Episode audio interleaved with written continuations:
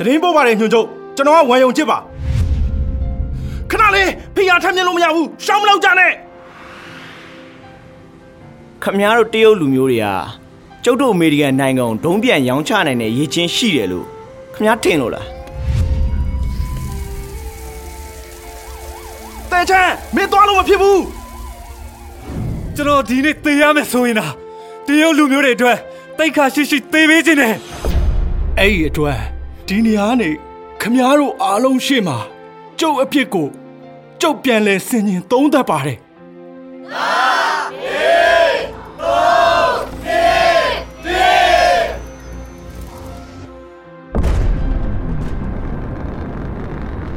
စံကြိုးစသုံး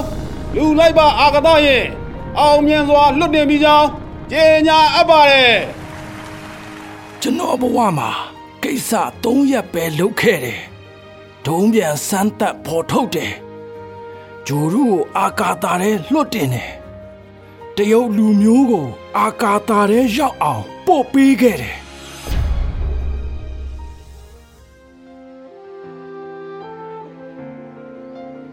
1952ခုနှစ်ဝမ်ယုံကျစ်ဟာအမှန်ကောင်းကောင်းနဲ့ရှန်ရန်မြို့အထက်တန်းကျောင်းမှာတက်ရောက်နိုင်ခဲ့ပြီးတော့အထက်တန်းပညာကိုဆက်လက်သင်ယူခဲ့ပါတယ်။ အဲ့ဒီအချိန်ကအမေရိကန်ခုခံရေးနဲ့ကိုရီးယားထောက်ကူရေးစစ်ပွဲကာလဖြစ်နေတာကြောင့်တရုတ်နိုင်ငံကပြည်သူစေတနာစစ်တပ်ဟာမြောက်ကိုရီးယားထဲမှာအမေရိကန်စစ်တပ်ဦးဆောင်သောကုလစစ်တပ်နဲ့အသေးအကျေတိုက်ခိုက်နေကြပါတယ်။ တရုတ်တို့ရဲ့အမေရိကန်ခုခံရေးနဲ့ကိုရီးယားထောက်ကူရေးကိုတားဆီးဖို့အတွက်အမေရိကန်စစ်တပ်ကလေယာဉ်တွေဟာမြောက်ကိုရီးယားရဲ့ဝေဟင်ပိုင်နက်ပေါ်ကနေတိုက်ခိုက်ခဲ့ပြီးတော့တရုတ်နိုင်ငံအရှေ့မြောက်ပိုင်းရဲ့ဝေဟင်ပိုင်နက်တဲ့အထိမကြာခဏဝင်ရောက်လာခဲ့တာကြောင့်ရှန်ယန်လိုမျိုးမြို့ကြီးတွေမှာဆူရှတဲ့လေကြောင်းကာကွယ်ရေးသတိပေးသံတွေမကြာမကြာမြည်လာတတ်ပါတယ်။ဒီတနေ့မှာတော့ဝမ်ယုံကျစ်ဟာစာတင်ခန်းထဲမှာစာဖတ်နေချိန်အပြင်ကကော်ရီဒါမှာစူညံတန်တွေကိုရုတ်တရက်ကြားလိုက်ရပါတယ်။ ဝမ်ယုံကျစ်ကလက်ထဲကစာအုပ်ကိုချလိုက်ပြီးတော့ကော်ရီဒါကိုထွက်လာကြည့်လိုက်တော့အထက်တန်းကျောင်းကကျောင်းနေဘက်တွေဟာစာသင်ခန်းထဲကနေအတီးတီးထွက်လာကြပြီးကျောင်းအကစားကွင်းနဲ့တောနေကြတာကိုမြင်လိုက်ရပါတယ်။ကျောင်းအကစားကွင်းထဲမှာဇပွဲကုံတွေတန်းစီထားပြီးတော့စစ်မှုရန်ဝတ်စုံဝတ်ထားတဲ့အရာရှိအချို့ကဇပွဲကုံရှေ့မှာထိုင်နေကြပါတယ်။ဘေးနားကဆရာတွေဆရာမတွေကစနစ်တကျတန်းစီအောင်ဝိုင်းကူညီနေကြပါတယ်။တပည့်တို့ဒါဆရာတို့အကြောင်းမှာစစ်မှုထမ်းစီရင်ပေးဖို့စီရင်လာကောက်တဲ့တမတော်ဌာနရဲဘော်တွေပဲ။ ရှောက်မသွားကြပါနဲ့တန်းစီပြီးတော့တယောက်ချင်းစီစီးရင်ပေးပါဟာဘာစီးရင်လဲကိုရီးယားသွားဖို့လားဒီမှာဒီမှာကျွန်တော်လည်းစီးရင်ပေးနေတယ်ကျောင်းသားအုပ်စုကြီးဟာဆိတ်လှုပ်ရှားတက်ကြွနေကြပါတယ်ဝမ်ယုံကျစ်ပါဆိတ်လှုပ်ရှားတက်ကြွမှုတွေကုဆက်သွားပြီးနမည်စီးရင်ပေးဖို့ဝင်ရောက်တန်းစီလိုက်ပါတယ်စစ်မှုထမ်းဖောင်ပေါ်မှာဝမ်ယုံကျစ်ဟာသူ့နာမည်ကိုအလေးအနက်ထည့်ရေးလိုက်ပါတယ်လောက်ဝက်ကြပြီးနောက်စစ်မှုထမ်းရဲ့အမည်စည်းရင်ကိုကျောင်းကကြော်ညာဖို့မှာကတ်လိုက်ပါတယ် ဝမ်ယုံကျစ်နဲ့ចောင်းသားတွေဟာအမည်စရင်ကိုအတူတူတွားကြည့်လိုက်ကြပါတယ်။ဝမ်ယုံကျစ်ဟာ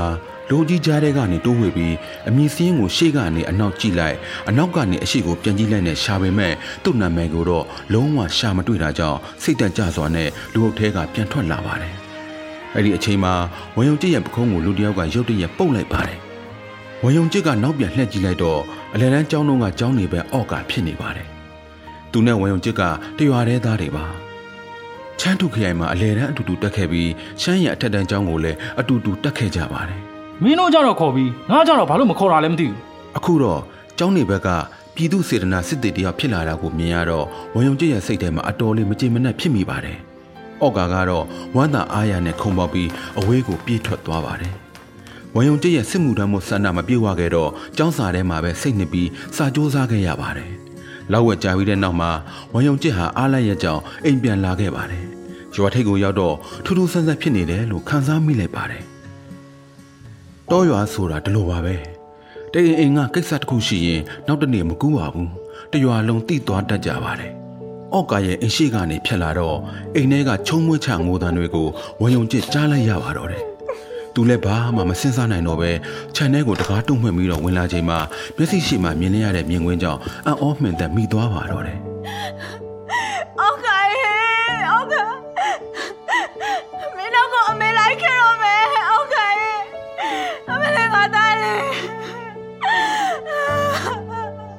အော့ကာအိမ်ရဲ့ခြံထဲကိုဝမ်ယုံကျစ်ဝင်လာချိန်မှာအော့ကာရဲ့အမေကိုလင်းညီမတွေကဝိုင်းထူပေးနေရပြီးငိုကြီးချက်မှဖြစ်နေတာကိုမြင်လိုက်ရပါတော့တယ်။ အခန်းမအလဲကတစ်သားစပွဲခုံပေါ်မှာတပုံပေါင်အနက်နဲ့ပုံတပုံတင်ထားပါတယ်။တပုံတွေကလူကအော့ကာဖြစ်နေပါတယ်အတော်ကြီးအတော်ကြီးအောက်ကဘလို့ဖြစ်ရတာလဲအောက်ကာတို့တပ်ဖွဲ့ကမြောက်ကိုရီးယားကိုစစ်ချီသွားကြတာရာလူမြင်တာတော့မရောက်သေးပါဘူးအမေရိကန်လေရင်ဖုံးကြတော့ခံလိုက်ရတော့တာပါပဲအောက် နိုင်ငံနယ်မြေထဲမှာနဲ့အသက်ပေးလိုက်ရတာဟာဒီအချိန်မှာဝန်ယုံကျစ်ဟာမျက်လုံးတွေနီမြန်းနေပါပြီလက်သီးနှစ်ဖက်ကိုကြစ်ကြစ်ပါအောင်ဆုပ်ပြီးဒေါသတဖြင့်မိုးပေါ်ကိုအော်မိလိုက်ပါတော့တယ်လေရင်လေရင်ဒီတေတဲ့နဲ့အမေရိကန်လေရင်တွေ1955ခုနှစ်ဝန်ယုံကျစ်ဟာမကြခင်မှာအထက်တန်းကျောင်းပြီးပြီးတက္ကသိုလ်ဝင်တန်းစာမွေပဲဖြည့်ဆိုဖို့ပြင်ဆင်နေပါတယ် ဒီတနေ့မှာဝန်ယုံကျစ်ကအတမ်းမိုင်ဆရာကိုလာတွေ့ပြီးတော့အခုလိုပဲပြောလိုက်ပါတယ်ဆရာဘယ်တက်ကတူမှာလေရင်စောက်တာတင်လို့ရလဲပေကျင်းမှာချင်းဝါတက္ကသိုလ်ရှိတယ်အဲ့ဒီမှာလေချောင်းအင်ဂျင်နီယာအထူးပြုရှိတယ်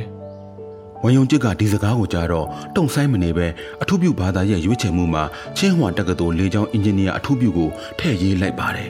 ။ဝန်ယုံကျစ်ကပြောရမယ်ဆိုရင်စာတော်တဲ့လူတစ်ယောက်ပါ။ ချင်းဟွာတက္ကသိုလ်ကတရုတ်နိုင်ငံရဲ့ပထမတန်းစားတက္ကသိုလ်တစ်ခုဖြစ်ပေမဲ့ဝန်ယုံကျစ်ကတော့မခက်မခဲပဲနဲ့ဝင်ခွင့်ရအောင်ဖြေနိုင်ခဲ့ပါတယ်။ချင်းဟွာတက္ကသိုလ်မှာကျောင်းတက်ခဲ့တဲ့နှစ်နှစ်အတွင်းမှာဝန်ယုံကျစ်ဟာလေကြောင်းအထူးပြုကိုကြိုးကြိုးစားစားသင်ယူခဲ့ပါတယ်။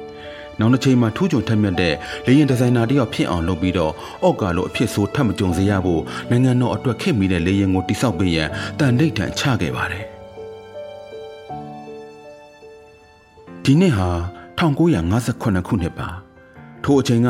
အမေရိကန်ဂျက်တပ်ဒုဗိုလ်မှူးဒနီယယ်ကင်းဘက်ကိုယ်တိုင်ဘယ်နေရာပဲရောက်ရောက်တက်ခွဲ၅ခုနဲ့ညီမျှတယ်လို့ချီးမွမ်းရတဲ့ပုဂ္ဂိုလ်တူတရုတ်နိုင်ငံကိုပြန်ရောက်လာပါတယ်အဲ့ဒီလူကတော့ချမ်းရွှဲဆန်းပါချမ်းရွှေဆန်းကတရုတ်နိုင်ငံရဲ့ဒုံးမြတ်ပညာရှင်သားမကအမေရိကန်နိုင်ငံကဒုံးမြတ်ပညာရှင်လည်းဖြစ်ပါတယ်ဒုတိယကမ္ဘာစစ်ကာလမှာသူဟာအမေရိကန်နိုင်ငံက Jet Propulsion Laboratory တည်ထောင်မှုမှာပါဝင်ခဲ့ပူပါတယ် ဒီစံသက်ခန်းကနောက်ပိုင်းမှာအမေရိကန် NASA အဖွဲ့အစည်းကဂျိုနက်ခံများအကြားစူးစမ်းရှာဖွေမှုတွေမှာပါဝင်တဲ့အဓိကသုတေသနဌာနဖြစ်လာခဲ့ပါတယ်ချမ်းရွှေဆန်းကအမေရိကန်နိုင်ငံကဒုံးပြန်ဒုံးကြီးဆောက်လုပ်ရေးမှာအစောဆုံးပါဝင်ခဲ့သောသိပ္ပံပညာရှင်များတွေကတစ်ယောက်ပါအမေရိကန်နိုင်ငံရဲ့အစောပိုင်းဒုံးပြန်လုပ်ငန်းမှာကြီးမားတဲ့အခန်းကဏ္ဍကနေပါဝင်ခဲ့ပါတယ်။ 1949ခုနှစ်တရုတ်နိုင်ငံတော်တစ်တီထောင်ပြီးနောက်မှာချမ်းရွှေဆန်းဟာတရုတ်နိုင်ငံပြည်တွင်းကိုစ조사ဆက်သွယ်လာပြီးတရုတ်နိုင်ငံကအာကာသဒုံးပြန်လုပ်ငန်းတီထောင်မှုမှာပါဝင်မှုအတွက်ကိုပြန်လာခြင်းခဲ့ပါတယ်။ဒါပေမဲ့အမေရိကန်အစိုးရကသူ့ကိုတရုတ်နိုင်ငံတော်တစ်နဲ့အဆက်အသွယ်လုံးဝဖျက်ပစ်ခဲ့ပြီးတရုတ်အစိုးရကိုတော့ချမ်းရွှေဆန်းကတရုတ်နိုင်ငံကိုမပြန်လာခြင်းဘူးလို့လိန်ညာခဲ့ပါတယ်။ တစ်ချိန်တည်းမှာပဲအမေရိကန်အစိုးရကချမ်းရွှဲဆန်းရဲ့အချက်လက်အားလုံးကိုတင်ဆက်ပြီးတော့သူ့ကိုသိပ္ပံသုတေသနတွေမှာမပါဝင်ဖို့တားမြစ်ပိတ်ပင်တဲ့အပြင်နေအိမ်အကျယ်ကျုံနဲ့24နာရီလုံးစောင့်ကြည့်ခဲ့ပါတယ်။ဒါအပြင်သူ့ကိုကယ်လီဖိုးနီးယားပြည်နယ်ကယိုဒန်ကအကက်ထရက်စ်ကျွန်းပေါ်ကအကျဉ်းထောင်ထဲလဲအကြောင်းမဲ့ဖမ်းထည့်ခဲ့ပါတယ်။ကာလရှည်တည်တဲ့အကျဉ်းချခံရခြင်းကြောင့်ချမ်းရွှဲဆန်းမှာအဖစ်ဇီယာယောဂါဖြစ်ခဲ့ပြီးတော့အချိန်တော်တော်ကြာတဲ့အထိစကားတခွန်းမှမပြောနိုင်ခဲ့ပါဘူး။ အမေရိကန်အစိုးရမထင်ထားမိတဲ့အချက်ကတော့ဒီလိုအမျိုးမျိုးနှိပ်စက်ခံရခြင်းကြောင့်ချမ်းရွှေဆန်းကိုတရုတ်နိုင်ငံပြန်ဖို့ယုံကြည်ချက်တွေပုံမခိုင်မာသွားစေခဲ့ပါတယ်။နောက်ဆုံးမှာတော့ချမ်းရွှေဆန်းကကိုယ်ပိုင်အသိဉာဏ်ပညာကိုအားကိုးပြီးတရုတ်နိုင်ငံအစိုးရနဲ့အဆက်အသွယ်ရခဲ့ပါတယ်။1955ခုနှစ်ရဲ့ဂျနီဗာနိုင်ငံတကာညီလာခံအစည်းအဝေးမှာထိုအချိန်ကတရုတ်နိုင်ငံဝန်ကြီးချုပ်ဖြစ်တဲ့ကျွန်းအန်းလိုင်ကချမ်းရွှေဆန်းကိုယ်တိုင်ရေးသားပေးပို့တဲ့စာဆောင်နဲ့အမေရိကန်အစိုးရကိုအပြစ်တင်ရှုံချခဲ့ပါတယ်။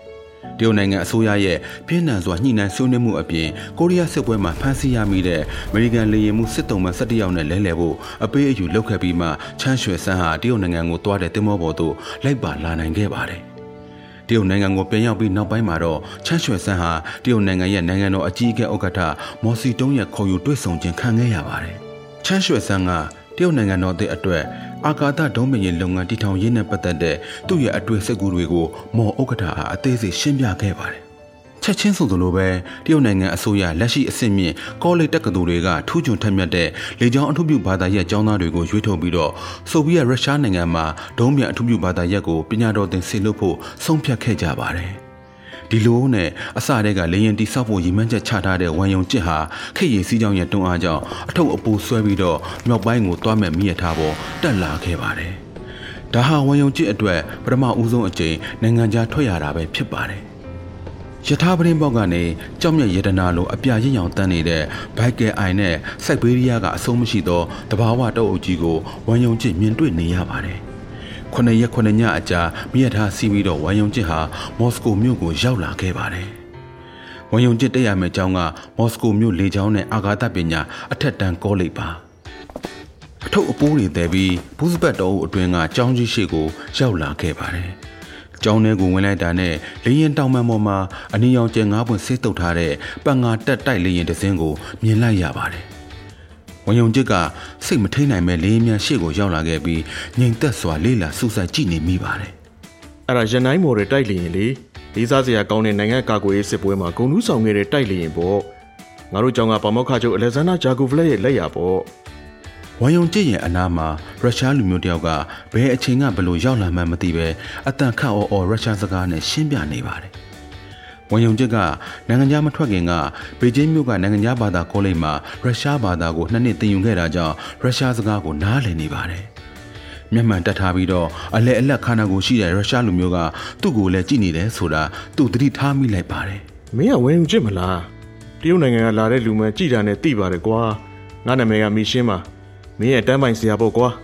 ကျောင်းဝင်ဝင်ရှောက်ပြီးသွားတော့မှမော်စကိုမြို့လေကျောင်းနဲ့အာကာသပညာအထက်တန်းကောလိပ်မှာဒုံးမြအထူးပြုဘာသာရပ်ကိုသင်ယူတဲ့လူတွေထဲမှာတရုတ်နိုင်ငံသားဆိုလို့သူတယောက်ပဲရှိတာကိုဝမ်ယုံကျစ်သိလိုက်ရပါတယ်။အဲဒါကြောင့်လဲမီရှင်းကသူ့ကိုတစ်ချက်တည်းကြည့်တာနဲ့သိနေခဲ့တာပေါ့။ကျောင်းစာပွင့်တဲ့ပထမအဦးဆုံးနေ့မှာဝမ်ယုံကျစ်ဟာစာသင်ခန်းထဲကိုစောစောစီးစီးရောက်နေပါတယ်။မကြခင်မှာပဲကျောင်းသားတွေအသီးအသီးရောက်လာကြပါတယ်။ဝမ်ယုံကျစ်ကလို့ရင်ကျန်တဲ့ကျောင်းသားတွေဟာရုရှားလူမျိုးတွေကြီးပါပဲ။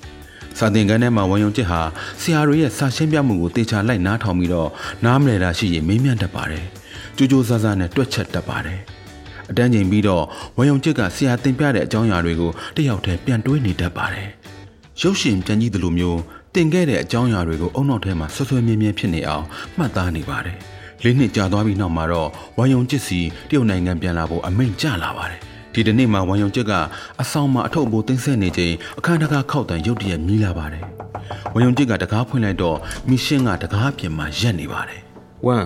ဆရာတော်မင်းကိုဒီမှာပဲပညာဆက်စီးပူးစေခြင်းတယ်ဆရာမင်းရှင်ကျွန်တော်တရုတ်နိုင်ငံပြန်မဖြစ်မယ်။ဩဒီကိစ္စကိုမင်းပူစရာမလိုပါဘူး။ဘာမောက္ခချုပ်ဂျာဂိုဗလက်ကိုတက်ဆိုင်ရာဌာနမှာသွားလျှောက်ပေးဖို့ငါအကူအညီတောင်းပေးလို့ရပါတယ်။ သူတို့ကိုရုရှားခြေစိုက်တရုတ်တန်ယုံမှာညှိနှိုင်းခိုင်းလိုက်လို့ရတယ်။ဆိုဗီယက်ရုရှားနိုင်ငံထဲမှာတရုတ်ចောင်းသားတစ်ယောက်လောက်စက်နေခွင့်တောင်းတာဘာပြဿနာမှမရှိတော့ဘူးကျွန်တော်တရုတ်နိုင်ငံကိုပြန်သွားချင်တာအထက်လူကြီးတွေရဲ့အမိန့်ကြောင့်မဟုတ်ပါဘူးလေချောင်းနည်းပညာသင်ယူပြီးတရုတ်နိုင်ငံမှာအင်အားတောင့်တင်းတဲ့ကာကွယ်ရေးတည်ဆောက်ဖို့ကကျွန်တော်ရဲ့ဆန္ဒပါကျွန်တော်ဆန္ဒရှိရအောင်ကျွန်တော်လုပ်နေတာပါ။မီရှင်းကဝန်ယုံကျစ်ရဲ့မျက်လုံးကိုခဏကြာအောင်တေချာကြည့်လိုက်ပြီးတော့အခုလိုပဲပြောလိုက်ပါတယ်။ဝမ် ဆရာဒီနေ့မင်းကိုလာတားတာလေဘာမိတ်မှရလို့မဟုတ်ဘူး။ဆရာတပည့်ခင်မင်မှုကြောင့်လာပြောရတာ။ပညာတတ်တစ်ယောက်အနေနဲ့ဆရာတို့စီမှာဆိုရင်မင်းတို့ပိုကောင်းတဲ့သူတေသနာပြုချက်တွေလုပ်လို့ရတယ်။ဆရာမင်းကိုပိုကောင်းတဲ့နာကက်ရှိရှိစေခြင်းလို့ပါကွာ။။ဝန်ယုံကျစ်ကတစ်ချက်ပြုံးလိုက်ပါတယ်ဆရာမင်းရှင်ဆရာစေတနာကိုကျွန်တော်ကျေးဇူးတင်ပါတယ်ဆိုဗီယက်ရုရှားမှာကောင်းတာတော့အမှန်ပါပဲဒါပေမဲ့ဒီနေရာမှာဆိုကျွန်တော်ကအမြဲတမ်းဧည့်သည်ဖြစ်နေမှာပေါ့